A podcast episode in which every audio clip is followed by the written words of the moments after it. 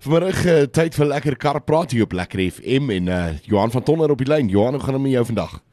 Middag van ons middag luisteraars altyd goed met my. Ja, lekker om altyd met jou te gesels. Jy bring altyd vir ons vier wiele en twee wiele en allerlei wiele.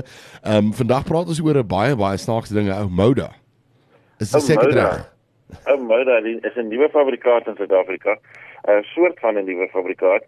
Ehm um, dis 'n fabrikaat wat ingebring word deur Chery, ja. wat obviously nou al ruk in die land is, maar dit is nou hulle hulle luxury fabrikaat vir 'n luxury brand soos wat Lexus is vir Toyota. Ja. En ehm um, en ek moet vir jou sê die mense wat uh, wat geleer het, kan gaan kyk op Facebook op Travel Rider Media. Ek het 'n paar foto's daar opgesit. Wat 'n mooi kar. En ek moet vir jou sê ook vandat hy bekend gestel is so 'n paar maande terug, sien ek sommer 'n klomp van hulle op die pad uh net soos die Beijings en die Avals en die Cherries en al daai. Ehm um, en ek dink nie mense hoef meer te wonder of mense Chinese karre gaan koop nie. Hulle koop dit reeds. En as mense nou kyk na hierdie kar vir die luisteraars wat nou nie weet hoe lyk hierdie motor nie, in watter segment sal jy hom plaas? Waar teen wie sal hy nou kompeteer as jy nou kyk na ander motors in die in die mark? Wel hierdie is nou 'n uh, sportnuts, maar dit is definitief 'n stadsportnuts. Dit is nie iets wat jy nou mee sal gaan uh, field trek nie. Ehm um, en hy het 'n uh, pragtige sportiewe lyne met 'n coupe daklyn met met ander woorde so 'n vallende dak na agter toe. So baie baie sportief. Uh en hy val dan um, in in die segment van iets soos Volkswagen se T-Roc, uh die Opel Mokka, daai tipe daai tipe ding. So 'n stad SUV met 'n met 'n baie sportiewe look en dan uh, natuurlik onder die Indian Cup as jy as jy nou met like as dit lyk of jy 'n sportie kar is nou wat jy natuurlik iets onder die Indian Cup het wat daarom wat daarom voel of daar iets is. Natuurlijk. En uh hierdie voertuig toegerus met 'n 1.5 liter turbo. So hy het 115 kW, 100 230 Nm wrinkrag. Dis nie iets wat jy noodwendig op 'n op 'n renbaan gaan wil hê nie, maar 115 kW is ook nou nie min nie. As jy vat gewone karre soos die Urban Cruiser en daai goeie wat net maar 77 kW, so 115 is lekker baie. Ja. En dan ook wat interessant is is dat hierdie turbo is nie ehm um, ek wil nie die woord verfyn gebruik nie, maar die Europese karre en veral die Duitse karre is al so verfyn dat jy kom nie agter of daar turbo of nie turbo is nie. Alles is is so mooi geprogrammeer.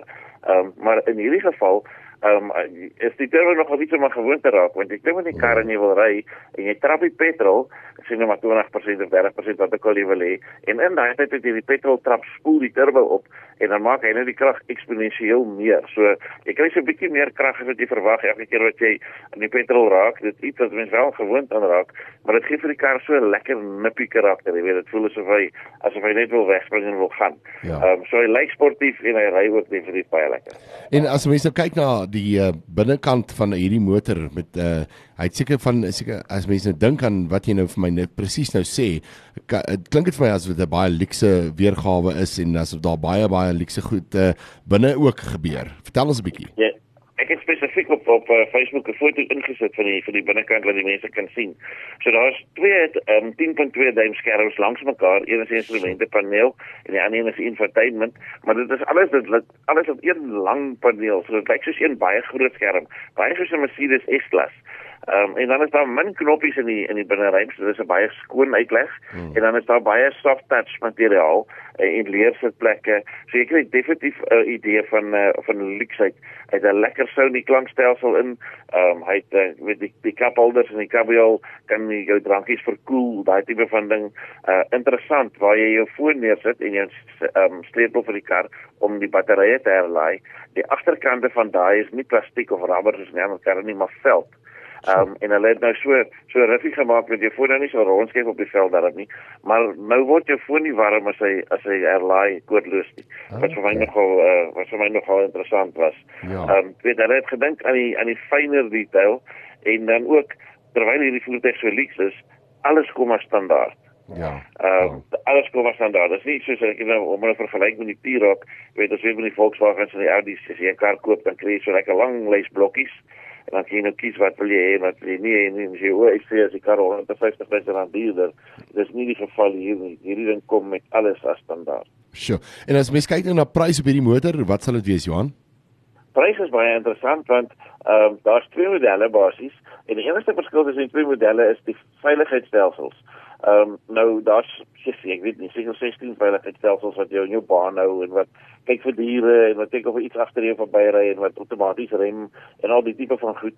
En ehm um, dis natuurlik goed om jou veilig te hou, maar ek het gevoel uh yes, daar daar's so baie goed wat inwerk op dit. Ek het dit op die einde liewer afgesit want baie keer wanneer hy links draai of regs draai, is iets naby aan jou kom as jy dit nie verwag nie. So die enigste verskil tussen die twee modelle is een kry al hierdie veiligheidsstelsels by en die ander een nie. En as 'n 50000 rand verskil.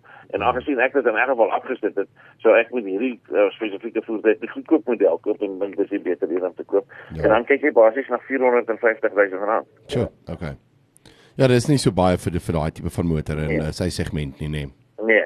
Ja, dit is nog redelik goedkoop. Vir die ander voertuie kyk jy na 500 en dan kom die opsies nog by.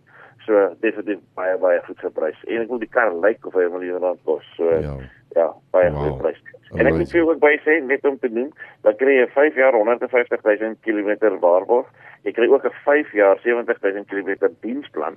Ander karre het net 'n 3 jaar diensplan. Ja. Uh, en dan natuurlik die Cherries kom almal met 'n 10 jaar 1 1 miljoen kilometer engine warranty wow. vir die vir die eerste koper. So ehm um, 'n redelike goeie backup ook vir die voertuig. Verseker. Ja, yes, dit is dis wonderlik. Nou ja, luisteraars gaan kyk 'n bietjie daar op Trou Rider Media se blad op Facebook, uh, gaan kyk 'n bietjie daar na daai motor. Johan was lekker geweest om met jou te kon gesels. Jy met 'n wonderlike naweek verder hê. Natuurlik Wêreldbeker rugby wat voor lê, so mag die Springbokke wen.